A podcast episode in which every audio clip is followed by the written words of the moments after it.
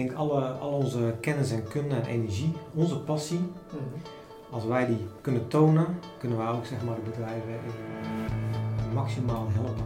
En dan is die wisselwerking niet ideaal. Dus door ons hè, eh, in te huren en ons, onze passie met al onze kennis kunnen goed te laten doen, dan is het bedrijf ook daar maximaal bij gebaat. En dat is de win-win, Ja.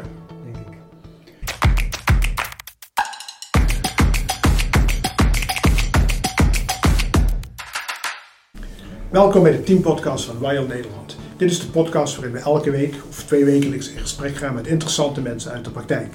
Mijn naam is Twan Paas en ik heb vandaag niet één gast, maar twee gasten. Het zijn Steve en Martijn. En ik ga het vandaag met Steve en Martijn hebben over het avontuur wat zij een tijdje geleden zijn aangegaan door voor zichzelf te beginnen. Niet als ZZP'er om het werk te doen zoals het altijd deden, maar toch wel met een eigen visie. Ja. Steve, vertel eens. Wat, wat is dat? Wat zijn jullie gaan doen? Nou, eh, ja, we zijn, eh, Martijn en ik eh, ja, komen allebei bij de overheid vandaan. Hebben jarenlang gewerkt voor allerlei toezichthouders en opsporingsdiensten. En we hebben een bedrijf gestart waarbij we eigenlijk al onze kennis en expertise over fraude en integriteit voor onze doelgroep ter beschikking willen stellen. En dat doen we onder de naam Compliability. met Integrity Services and Investigations. Dus we doen onderzoek en we helpen bedrijven en organisaties eh, bij het oplossen van eh, fraude- en integriteitsproblemen. Oké, twee Engelse begrippen, fraude. Wat, wat gun, heeft het de doelgroep? Wat gunnen jullie de doelgroep?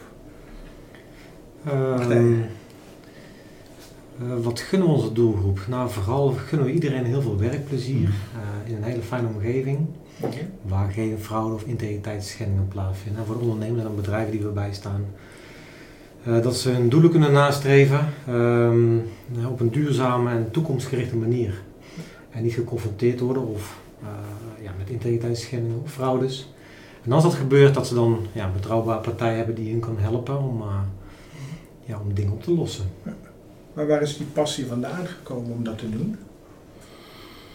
Nou, ik denk dat dat een passie is die, eh, die eigenlijk bij mij zelf al heel vroeg is eh, begonnen. Ik kan mezelf eh, nog wel voor de geest eh, halen dat ik, ik zat op de middelbare school en ik wilde eigenlijk altijd wel iets doen met mensen en mensen helpen. En zodoende ben ik het vak ingerold van toezicht houden, opsporingswerk, ook met het idee om mensen te helpen. Maar gaandeweg heb ik ook steeds meer geleerd over hoe complex dat, dat is. En ben ik in ieder geval persoonlijk, en daar hebben Martijn en ik het uit- uitvoerig over gehad eh, de afgelopen tijd, tot het inzicht gekomen dat het, dat het inderdaad eh, ja, dat dat niet per se hoeft te zijn alleen bij de overheid, maar dat het ook inderdaad echt eh, bij de mensen waar de problemen zijn zelf is. Ja. Oké, mooi. Nou, even op de context, ook voor de luisteraars en de kijkers die we hebben via YouTube neer te zetten. Wij zijn elkaar een aantal jaren geleden tegengekomen. Ik was jouw begeleider met een MBA-opleiding. Je werkte bij de overheid. We kwamen elkaar laatst weer tegen. Jij werkt ook bij de overheid, dus hebben we z'n tweeën begonnen. Er moet een stukje action learning bij komen. We moeten meer aan, aan, dat- aan dat team gaan werken.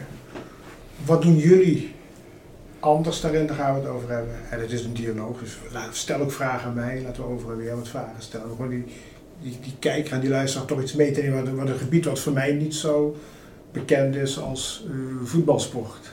Of onderwijs, of een ziekenhuis. Nou, leuk, ja zeker. Ja.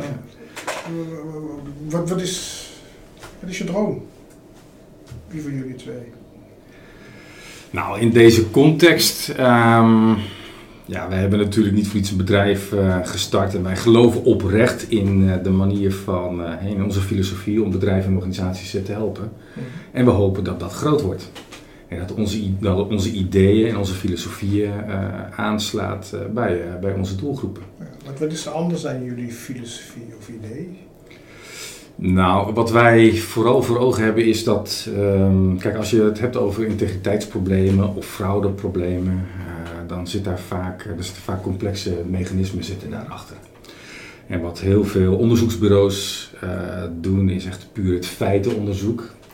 En waarbij eh, toch vaak wel een beetje het idee is dat als men de feiten maar helder heeft en inderdaad de betrokkenen van dat moment, eh, nou ja, op een, een of andere manier eh, nou ja, of, of uit de organisatie helpt, ehm, of, of dat specifieke probleem oplost, dat het dan klaar is. Maar vaak zitten er natuurlijk ook kwaliteitsproblemen achter. En wij willen eigenlijk ook naast het feitenonderzoek ook een heel stuk doen om nou juist die kwaliteitsproblemen te helpen oplossen. En dat gaat verder dan alleen feitenonderzoek en adviseren.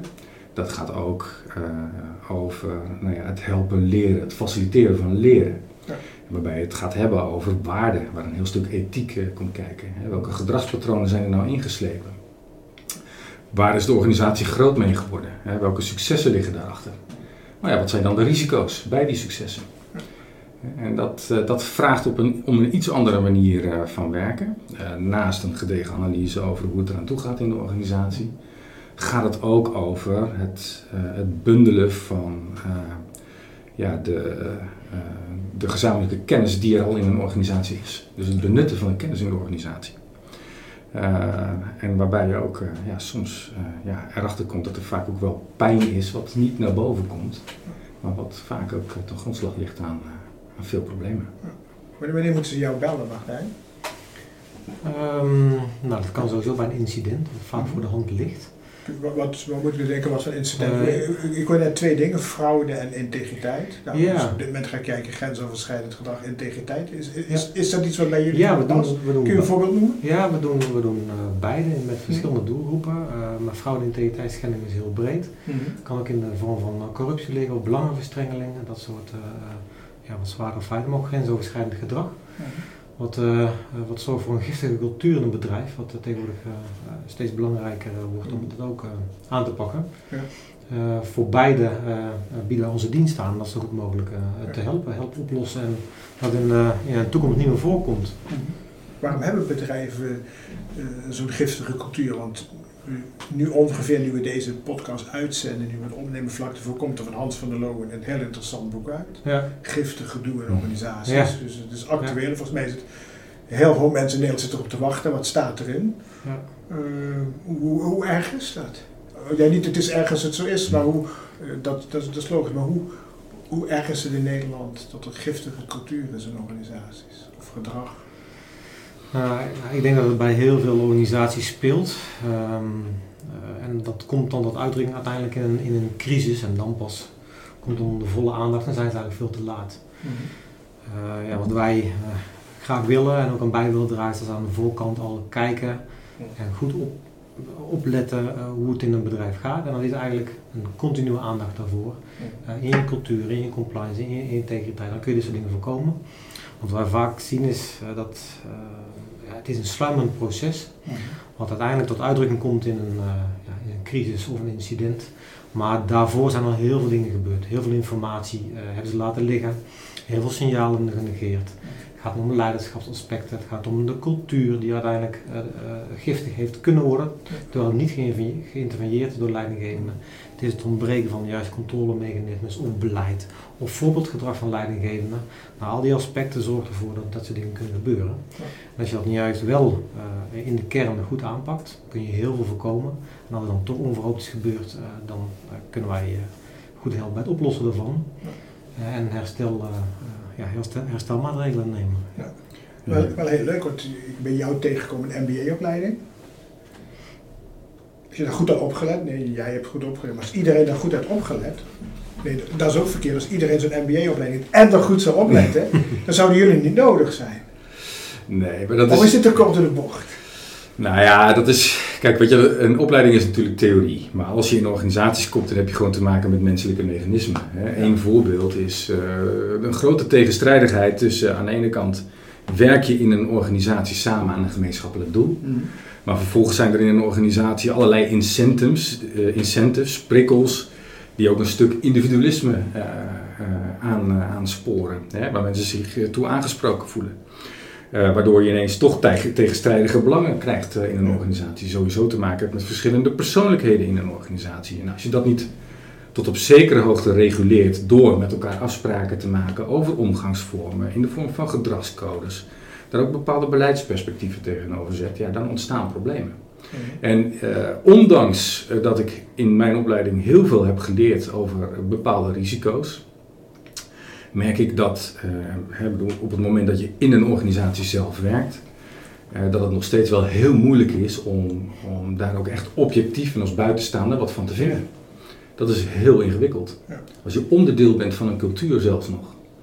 En eh, ja, daar mag ook best wel wat meer eh, erkenning eh, voor komen. En daar waar mensen samenwerken, hou je deze mechanismen. En dat maakt dat, ja, ja, denken wij, ook mensen zoals wij nodig zijn die af en toe, als het even ontspoort, even de boel komen, komen herstellen. Ja. dat kan. Dat is hoe wij het, wij het ook wel zien. Hè. En, en dat betekent dus ook eigenlijk ook eh, dat hè, vaak is, is fraude of integriteit is iets heel gevoeligs, het is iets heel beladens. Maar als je naar de kern gaat en je begrijpt welke mechanismen eh, er spelen, dan is het eigenlijk ook wel iets puur menselijks. Ja. En, en, eh, en dat maakt dat je inderdaad, dat, ja, dat in onze optiek ook heel goed zou zijn als je daar gewoon wat meer openheid in krijgt. En meer het gesprek met elkaar erover voert. Eh, om eh, ja, eh, ofwel problemen te voorkomen, dan wel om problemen op te lossen. En daar zit hij wel een beetje, die openheid in die cultuur. Dat, nou ja, dat, dat vereist bepaalde waarden en bepaalde mechanismen en daar kijken we naar. Als ik, dit, als dit nu hoor, dan hoor ik jullie iets zeggen. Dat doet mij wel plezier. Hè? Dat jullie kijken niet alleen maar naar het dossier, naar de feiten als een halve jurist. We willen naar de cultuur kijken. Hoe werken mensen met elkaar samen? We willen Ja. het begrip daarvan opbrengen. Ja. Waar, waar, hoe is dat idee ontstaan om dat, om dat zo op te pakken? Want volgens mij weet bijna niemand dat. Als, als, ik jullie bureau zou noemen, dan denk ik dat zijn van die eh, Sherlock Holmes-achtige types. Met een juridische bovenstroomachtergrond. Dan kon jullie allemaal onderstroomdingen benoemen. Ja. ja, ik denk dat daar ook het onderscheidende vermogen ligt en ook de oplossing. Eh, en daar spelen wij eh, op in. Maar waar, waar, waar zit jouw, jouw achtergrond, jouw leerschool? Waar, waar- waar je dit in opgedaan hebt? Ehm, de leerschool zit vooral naar, bij mijn ervaring, bij toezichthouders eh, en opsporingsdiensten. Ja. Ehm, maar ook de studies die ik heb mogen volgen. Ik heb ook recht gestudeerd, maar ook bestuurskunde, crisis- en veiligheidsmanagement. En daarna nog postdoctoraal op het gebied van compliance en integriteit. Ja. Eh, dus alle werkervaring en alle studies bij elkaar, ehm, eh, ja, bij ons samen heeft dat gevormd tot dit idee. Ja. eh, wat vernieuwend is, maar ook eh, eh, ja, een, een oplossing voor heel complexe problemen. Ja, zeker. Nou goed, ik heb zelf, dat weet je natuurlijk, Mhm. het onderdeel veranderkunde helemaal eh, omarmd. Scriptie mogen lezen, ja. Ja. Ehm, ik heb mij destijds ook helemaal verdiept in het ontwikkelen van een lerende organisatie. Buitengewoon Ja. interessant fenomeen. Voor zover, voor zover een organisatie kan leren natuurlijk. Mhm. Het zijn mensen die leren, maar je kunt Ja. wel een aantal dingen creëren in een organisatie. Waardoor mensen in ieder geval zich aangespoord voelen om eh, nou ja, ook eh, kritische vragen te stellen hè, eh, over hoe dingen er aan toe gaan in een, in een organisatie. Maar voor mezelf speelt een hele belangrijke rol als ik kijk naar inderdaad naar toezicht en opsporingsdiensten. Die zijn keihard nodig. Ja. Ehm, alleen het is wel heel vaak geënt op repressie. En dan is het kwaad vaak al geschied. Ja. En eh, nou ja, oké, natuurlijk is een, een, een probleem kan een mooi aangrijppunt zijn om eens wat verder te kijken. Mhm. Maar daar kom je binnen een toezichthouder of bij een opsporingsdienst nooit aan toe. Ja. En vandaar dat we hebben gezegd van nou weet je, eh, laten we daar dan uitstappen. En laten we dan die kennis en die ervaringen en die kunde die we hebben met elkaar bundelen. Mhm. Zodat je aan de ene kant wel natuurlijk gewoon oog hebt voor de problemen, die soms best ernstig eh, kunnen zijn. Maar aan de andere kant ook even verder kijkt en meer oplossingsgericht eh, gaat eh, denken. Waarbij je echt meer de menselijke kant eh, benadert, zeg maar.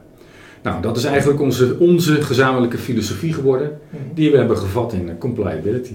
Ja. Ja. Mooi. Nou ben ik vroeger sportcoach geweest. Ik doe nu nog veel in de sport. En ik, ik had altijd één mooie uitspraak. Die kwam bij Joop Alberda vandaan. Die zei eigenlijk een goede coach. Die laat mensen dingen doen die ze uit zichzelf niet zouden doen. Nou, daar ben ik het helemaal mee eens. Namelijk, je laat iemand harder werken, meer sporten, gezonder eten, meer slapen, afvallen. Alleen op het moment dat ik afvallen, iemand ga pushen, of iemand gaat beledigen, je bent een beetje dik, kan iemand daar last van krijgen in een team. Als ik iemand harder laat trainen, waardoor hij zijn studie gaat verwaarlozen of zijn vriendschap gaat verwaarlozen, dan gaan er dingen gebeuren.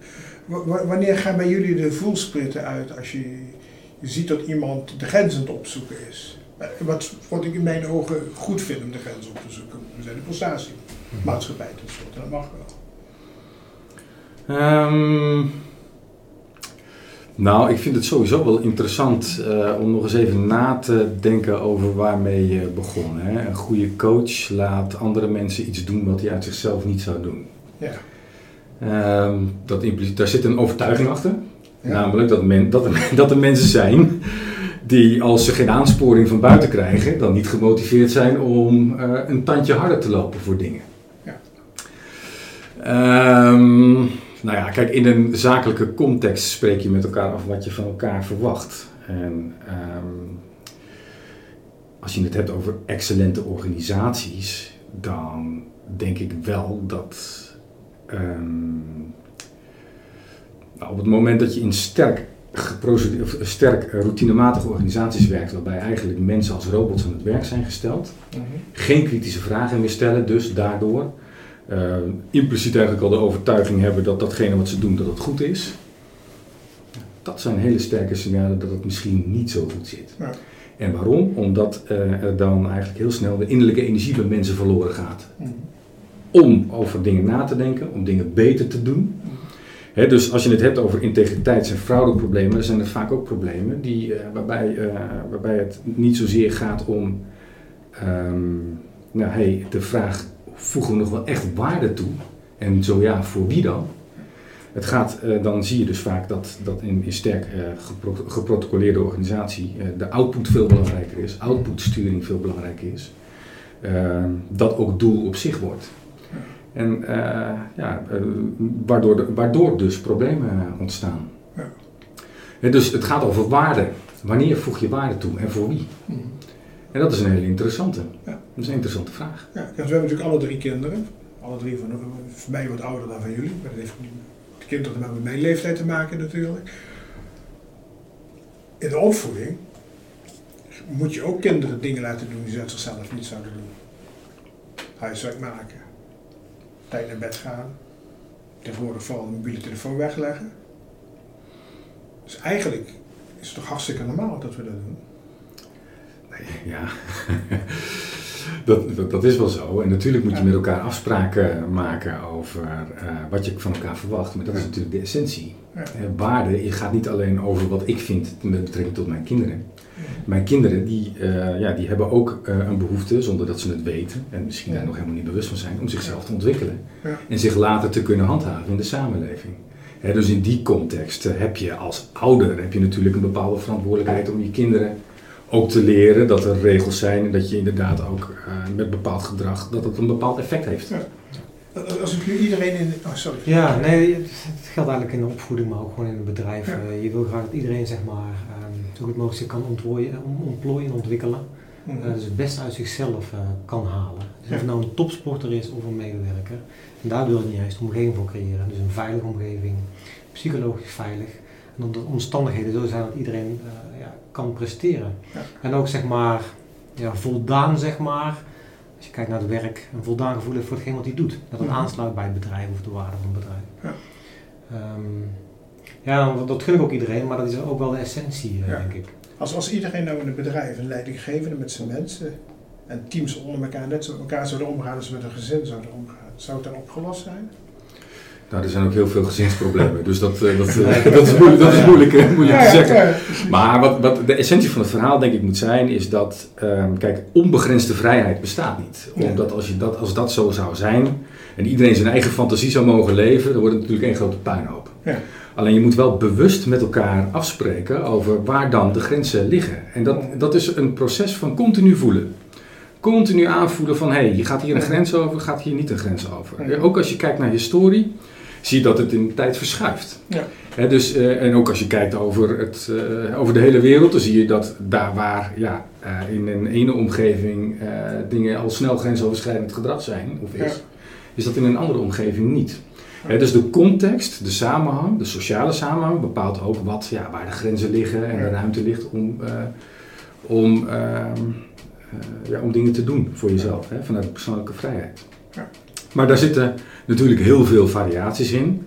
En in deze, uh, in Nederland, in deze context, uh, ja, hebben we in het algemeen wel bepaalde opvattingen uh, over nou ja, wat wel kan en wat niet kan. Hoewel we toch ook wel zien dat daar de afgelopen tijd best wel een verschuiving in, in, in Welke verschuiving?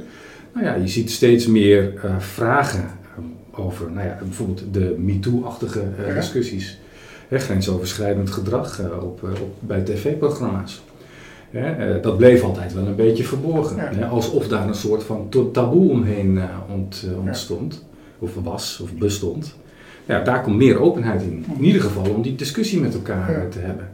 Is dan meteen al duidelijk wat grensoverschrijdend gedrag is en wat niet? Nou, dat, dat weet ik niet. Uh, maar dat je dan met elkaar daar een gesprek over moet hebben, ja, dat is wel duidelijk. Ja. Nou, en daar gaat het over. Kijk, zolang er een gemeenschappelijke verstandhouding is over wat de, de grenzen zijn, zit je goed. Op het moment dat er uh, de regie vanuit één of enkele entiteit wordt bepaald en als gevolg waarvan mensen zich niet meer ontwikkelen, uitgeblust zijn, hoogziekteverzuim, er wordt gefraudeerd, andere integriteitsschendingen zijn, ja, dat zijn de grote rode vlaggen die, je, die je vaak eh, tegen kunt komen in een organisatie natuurlijk. Dus als je dan een integriteitsincident hebt, ja, dan moet je vooral ook in die richting moet je kijken naar waar de problemen kunnen ontstaan. Ik zag, ik zag daar laatst een mooi artikel als over Stine Jens, hè, die filosoof. En die haalde dat incident aan wat er schijnbaar gebeurd is met Jack van Gelder. Een stagiaire belt en op, wil je me begeleiden? Ja, zegt het kan hier een bad. En toen zei Stine Jens stelde een hele mooie vraag. Waarom heeft die stagiaire niet kunnen of durven te zeggen: hé, hey, doe eens even normaal. Wat onze minister-president ooit een keer zei in, de Kamer. Zonder dat ze de angst heeft: dan verlies ik mijn baan of krijg ik die functie niet. Is dit een incident of speelt dit veel? Dat mensen bang zijn om een functie of een positie te maken? Ja, ik denk dat, eh, dat uh, mensen uh, vaak een afhankelijkheidsrelatie, op een of andere manier een afhankelijkheidsrelatie hiervoor. Ja. ja. En of dat inderdaad nu is om een, um, ja, om een baan te verliezen of om een betere positie te krijgen. Het, het kan een, een, winst- of verliesreactie, angst zijn. Hè? Ja. Uh, dat, is, uh, dat, is een, dat is een feit. Ja. ja. Oké. Okay. Volgens mij nog een hele wereld te winnen hiermee. Um, Femke Halsema, geloof ik. Dat was eigenlijk de commissie Halsema, las ik van de week. Er zijn zoveel schandalen in Nederland. Heeft ze toen een onderzoek naar gedaan, twee jaar geleden geloof ik. Het heeft ze in een, een paar dingen gezegd, kan ook vier jaar geleden zijn. Als we willen doorgaan, om dit op te lossen, dan moeten we niet meer vertrouwenspersonen gaan aanstellen. Moeten we niet nog meer protocollen gaan maken. Maar moeten we gewoon mensen gaan leren om een moeilijke gesprek te voeren.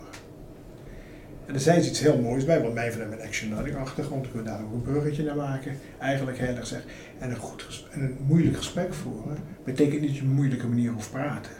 Dat kan gewoon gebeuren met een hele integere vraag. Hoe vind je dat het hier gaat? En daar het gesprek mee aangaan. Als ik nu ga kijken, er is behoorlijk wat gebeurt de afgelopen tijd, zowel in de sport. Wat zij zijn, wat we niet moesten doen, zijn we wel aan het doen. Er komen vertrouwenspersonen in de sportwereld erbij. Er komen hier vertrouwenspersonen in het MKB erbij en alles. Hoe kijken jullie daar tegenaan, tegen die protocolisering en dat vertrouwenspersonen gebeuren? Um, nou ja, kijk, er zijn tot op zekere hoogte regels en richtlijnen nodig. Uh, alleen als je alles dicht reguleert uh, en overal maar mensen voor aanstelt om bepaalde stukjes van het probleem aan te pakken, mm -hmm ja, dan is dat niet effectief. Hè. Als wij kijken naar het veld waar wij nu in staan, zie je ook dat er eh, nou ja, bijvoorbeeld in de accountancy sector, dat is een, een sterk gereguleerde, zo niet bijna overgereguleerde uh, sector. Wat ook iets doet met de mensen die daar uh, werken. Hè. Namelijk, uh, die vinden er ook wel wat van dat zij niet worden vertrouwd en aan steeds meer regels ja. moeten voldoen. Hè. En met name dat vertrouwen, wat, waar, wat je, ja, waar wij toch als je een regel maakt, expliciet maakt dat je dat vertrouwen niet hebt, want anders heb je de regel niet nodig. Uh, ja, die kan ook heel pijn doen en in die zin dus ook uh, averechts werken. Ja. Um, dus um, het, wat we nodig hebben zijn inderdaad mensen die het, ook het goede gesprek uh, voert. En, dat zijn, en, en, dat, en daar ben ik het dan wel um, over eens, hè, is dat dat soms ook mensen van buiten moeten zijn. Omdat mensen van buiten geen deelgenoot zijn van de cultuur want als je zit binnen een cultuur, dan zie je vaak niet uh, welke problemen binnen de cultuur zelf ontstaan, omdat het voor jou al snel normaal wordt. Ja. En de goede vraag van buiten naar binnen, die helpt je af en toe om je uit uh, de eigen waarheid uh, te ja. trekken. Ja. En dat is, dat is waar ik in elk geval steeds meer in ben gaan geloven. Dat het niet alleen meer gaat om regels en procedures, mhm. of vertrouwenspersonen, of meer toezichthouders, of meer opsporingsdiensten. Nee, het gaat over het goede gesprek. En inderdaad ook uh, het organiseren van bijvoorbeeld tegenspraken, dat is ook zoiets. Wij stellen dat dit goed is, maar als jij er als buitenstaander naar kijkt, wat vind jij er dan van? Mhm. Die vraag durven stellen, hè? dat is lerend vermogen. Dat getuigt van openheid. Dus daar gaat het over. Ja. En is dat een taak van leidinggevende? Of gaat dat breder? Uh, ik denk dat er een belangrijke rol en taak is weggelegd voor leidinggevenden, zeker. Dat is, uh, zij geven de toon en het voorbeeld. Uh, als je niet erkent dat er tussen medewerkers en leidinggevenden een afhankelijkheidsrelatie is, dan sla je daar al de plank bij mis. Maar ieder mens is voor zichzelf natuurlijk verantwoordelijk om te bepalen of die ja, bepaald gedrag wel of niet accepteert, of bepaalde omgevingsnormen. Ja. dus het, het, is wel degelijk een wederkerig proces, maar bepaalde krachten zijn nou eenmaal dominanter dan andere. dus daar moet je wel naar kijken. Wat zou jullie rol hierin zijn, kunnen zijn, of wat zou je willen dat je rol daarin was, Martijn? Um, nou, onze rol is enerzijds als er incidenten zijn, mm dat wij helpen om die incidenten op te lossen uh, op een onafhankelijke en zorgvuldige manier. En zij helpen om stelacties te ondernemen te zorgen dat het in de toekomst minder voorkomt. Zoveel mogelijk te voorkomen. Ja. Uh, aan de andere kant willen we het liefst aan de voorkant zitten, de preventiekant. Uh, door teams uh, te helpen, bedrijven te helpen, door het creëren van een veilige cultuur, veilige omgeving. Um, en te kijken wat daar speelt binnen bedrijven, mhm. voordat het überhaupt zeg maar, tot een crisis of incident komt. Ja. Daar willen wij zeker bij ons ondersteunen. Ja. En we kennen jullie de principes van action learning, want jullie zijn allebei een action learning training bij ons begonnen. We hebben net één dag erop uh, zitten, dus we kunnen niet al te veel over reflecteren, want jullie met kwesties. Wat zou action learning daarin voor jullie kunnen betekenen en dan vooral voor jullie in de richting jullie doelgroep? Nou, wat wij vooral met action learning dan willen doen als coach is uh, die teams daarbij ondersteunen. Uh, Door teams sterker te maken, opener. Um, en daarmee kun je heel veel problemen voorkomen en kun je teams sterker maken. En dat kan in de sport, maar dat kan ook in in bedrijven zelf. Mhm. En daarmee draag je bij aan een klein puzzelstukje in het, uh, in het geheel. Mhm.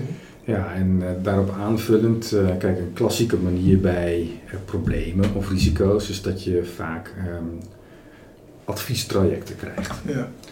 Maar de kracht van action learning is dat je juist door het stellen van de goede vraag of mhm. een faciliterend mechanisme inbouwt waarbij mensen elkaar de kritische vragen gaan stellen. Um, zowel op hey, hoe ervaar je het probleem, of is er een, überhaupt een probleem, of uh, heb je al een deel van, je, van de oplossing erbij. Hè? Ja.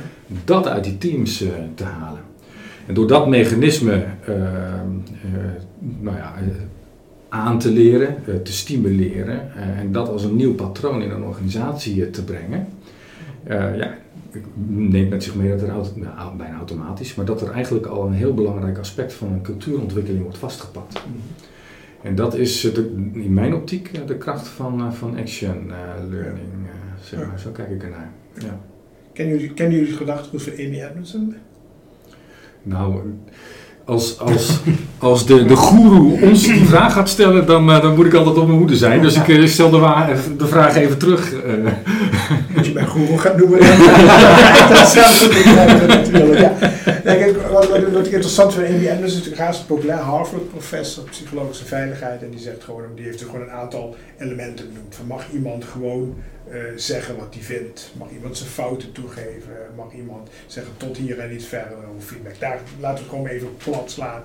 Daar, daar, daar gaat het gewoon over. Als organisaties dit standaard zouden doen, en je er niet op afgestraft zou worden, zou, zou, zou dat veel helpen? Tot op zekere hoogte. Mhm. Maar een totaal onbegrensde situatie waarbij je alles maar kan zeggen wat je vindt, daar geloof ik dus niet in. Ja, dat zeggen ze bij Google. Hè. Dus bij Google zeggen ze, je moet radicaal openhartig kunnen zijn in de kritiek wat je behandelt. Uh, ja, maar dat ontspoort al heel snel. Ja, dan, dat denk ik ook, ja. ja. ja. ja dus, dus dat is wel begrensd. Maar je spreekt wel met elkaar af, uh, nou ja, hoe dat dan is begrensd. Ja. dus, ik, dus ook hier uh, is er niet weer een vorm, uh, kun je ook niet heel stellig zeggen dat is goed of dat is fout.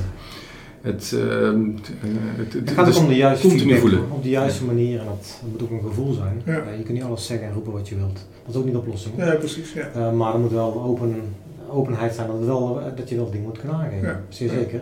Maar de feedback en de manier waarop is zeer belangrijk. Ja. Ja, ja het, is, het kan ook contextafhankelijk zijn. Ik, heb, ik heb ook bij een sterrenkop meegelopen. Nou, op zondagavond school die het personeel vooral de maandagochtend ging die zeggen hoe is het gisteravond gegaan? En dan zaten ze heel lief en aardig met elkaar te bespreken wat, wat het had. Ja. ja en het werd geaccepteerd. Ja. Zeker nog, dat was prettig ook. Ja. Maar goed, het, het, vermogen om bij jezelf na te gaan van hey, wat is nou eigenlijk het effect van wat ik zeg. Ja. Kijk, als ik op maandagochtend op mijn werk kom en zeg van jezus, wat een kontzooi is het hier weer joh, ik, uh, ik heb er helemaal geen zin in. Ja, dan heeft het een bepaald effect. Ja. dus dan is het misschien ook niet om, op, opbouwend. Uh, dus even is een extreem voorbeeld natuurlijk. Uh, maar om even aan te geven dat, dat je niet zomaar alles, uh, ja, je kunt het wel zeggen, maar de vraag, je dezelfde vraag stellen, wat is daarvan het effect? Ja. En wat bereik ik ermee? Dat is minstens zo'n belangrijke vraag. En om die reden vind ik dat je niet alles moet willen zeggen, in elk geval niet voordat je erover na hebt gedacht wat eventueel het effect zou kunnen zijn. Dus los van de open vragen en de openheid in de cultuur om alles bespreekbaar te maken, moet je je ook bewust zijn van het feit dat de dingen die je zegt een bepaald effect hebben. Mhm. Maar hebben we het dan over wat je zegt of de manier waarop je het zegt? Nou, ik, denk beide, maar ook mhm. voor de ontvanger, dat hij zeg maar, uh, kritiek is ook een cadeautje. Uh, Terwijl heel vaak kritiek uh, persoonlijk wordt opgevat uh, en mhm. daarmee emoties en dan krijg je een escalatie. Ja. Dus het, is, nou, het zijn complexe processen ja. die ook begeleiding behoeven, ook vanuit action learning. Wat vinden jullie van feedback trainingen? Die, zo, die worden best veel gegeven in Nederland, jarenlang. Ja, ik denk dat alle steentjes bijdragen aan een totale oplossing, denk ik. Al, kan het niet geïsoleerd uh, behandeld worden, denk ik, en aangepakt worden. Maar de combinatie, alles, alles helpt. Stuur, sturen niet mensen, maar dat is een beetje mijn vooroordeel, niet te snel naar een feedbacktraining toe? Uh, nou ja, ik, ik weet, ik, ik, ken wel de, de kritische reflecties op feedback uh, geven. Mm nou, feedback ontvangen is ook nog een, uh, een ding. En de vraag die je zou moeten stellen is, uh, nou ja, wie bepaalt wat de juiste feedback is? dus, dus daar, um, uh, je, je, er zijn best wel wat kritische dingen te zeggen over feedback trainingen. Hè? Mensen worden al snel naar een feedback training uh, gestuurd op het moment dat ze ook maar enigszins kritisch zijn uh, of vaker kritisch zijn naar uh, bepaalde processen die in een organisatie gebeuren, zonder dat men dan nog naar de essentie luistert. Ja. Ja.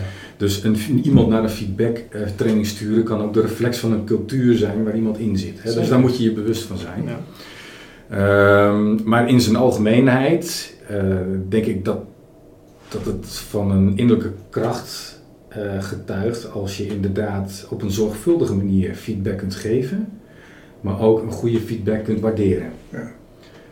en, maar dat is, dat, is, dat is vaak een stukje theorie. ja, ja. ja ik, denk, ik denk als mensen hetzelfde doel hebben, dan is het wel een stuk makkelijker. Ja, maar de realiteit is, is dat uh, ja, in een organisatiecontext streef je een gezamenlijk doel na. Maar binnen een organisatie heb je te maken met allemaal individuen die ook zo hun eigen doelen hebben. En die zijn soms conflicterend. Ja. En wie bepaalt dan mhm. wat, uh, wat uh, dan nog nou ja, uh, gezamenlijk, een gezamenlijk belang is of niet?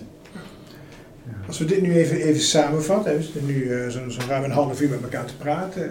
ik vind best wat jullie doen is, is, is ook uniek in mijn ogen. Het is vaak of iemand zit alleen maar te coachen of iemand zit alleen maar naar procedures. Kijk, jullie, jullie brengen dat bij elkaar. Ja, nou dat is ook uniek. Je ziet ook dat de rechercheorganisaties uh, vaak inderdaad een fraudeonderzoek doen, maar dat niet koppelen aan grondoorzaken. Nou, dat is, daar zijn wij inderdaad uniek in. Ja, ja. klopt. Ja. Betekent dat dat jullie automatisch succesvol gaan worden? Um, nee, want nou ja, goed. Uh, um, ook wij moeten leren in, ja, uh, in, uh, in, ja, uh, in, in verschillende situaties om dit op een juiste manier toe te passen. Mhm. en ook in die zin willen wij, pretenderen wij een lerend mechanisme te zijn, ja. waarbij we ook precies op het goede moment de juiste dingen willen doen. Mhm. kijk, in ons vak is het, en zeker in de commerciële wereld, is het ook nog eens een keer zo dat ja, je, je wordt ook geacht om aan te sluiten bij de behoeften van je klant. Ja. Maar soms weet de klant niet wat zijn echte behoefte is. Nou, en in dat proces, daar moeten wij ook in leren bewegen. Hè, uh, om, uh, om, ja, uh, nou, om dat ook in onze adviespraktijk of in de onderzoekspraktijk om dat helder te krijgen samen met de klant. Maar dat, schu dat schuurt dat aardig ter wat ik net zei. Je laat de klant dus doen wat het zichzelf niet zou doen, want hij weet niet wat het is. Of ga ik nu te kort door de bocht? Ja, dat is wel heel kort door de bocht. Ja. maar ja, je, je, je zegt wel iets belangrijks. Ehm, Kijk, ook daar zijn conflicterende belangen. Ja. En daar zijn wij heel erg van afhankelijk dat het bedrijf en degene uh, van hoog tot laag dat ook uh, wil. Ja. en dat ook voor ogen heeft. Anders gaat, het, gaat het niet werken. En dat zie je dat bedrijven daar wel steeds meer voor open staan, wat voorheen en vroeger veel minder was. Ja. Ja.